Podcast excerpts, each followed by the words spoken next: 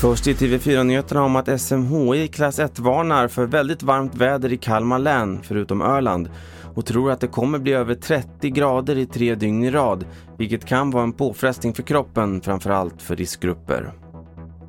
På grund av coronarestriktionerna har restaurangbranschen tappat närmare 20 miljarder kronor i intäkter under årets fem första månader. Det är enligt branschorganisationen Visita. Det handlar om ungefär en tredjedel av omsättningen som har försvunnit jämfört med normalt. Och sist fotbolls-EM.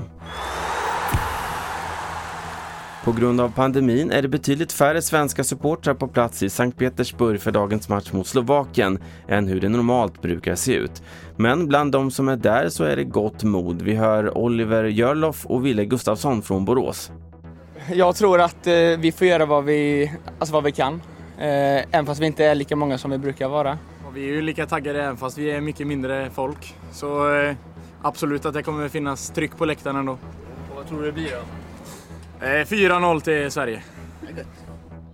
Det var senaste nytt från TV4 Nyheterna. Jag heter Carl-Oskar Alsen.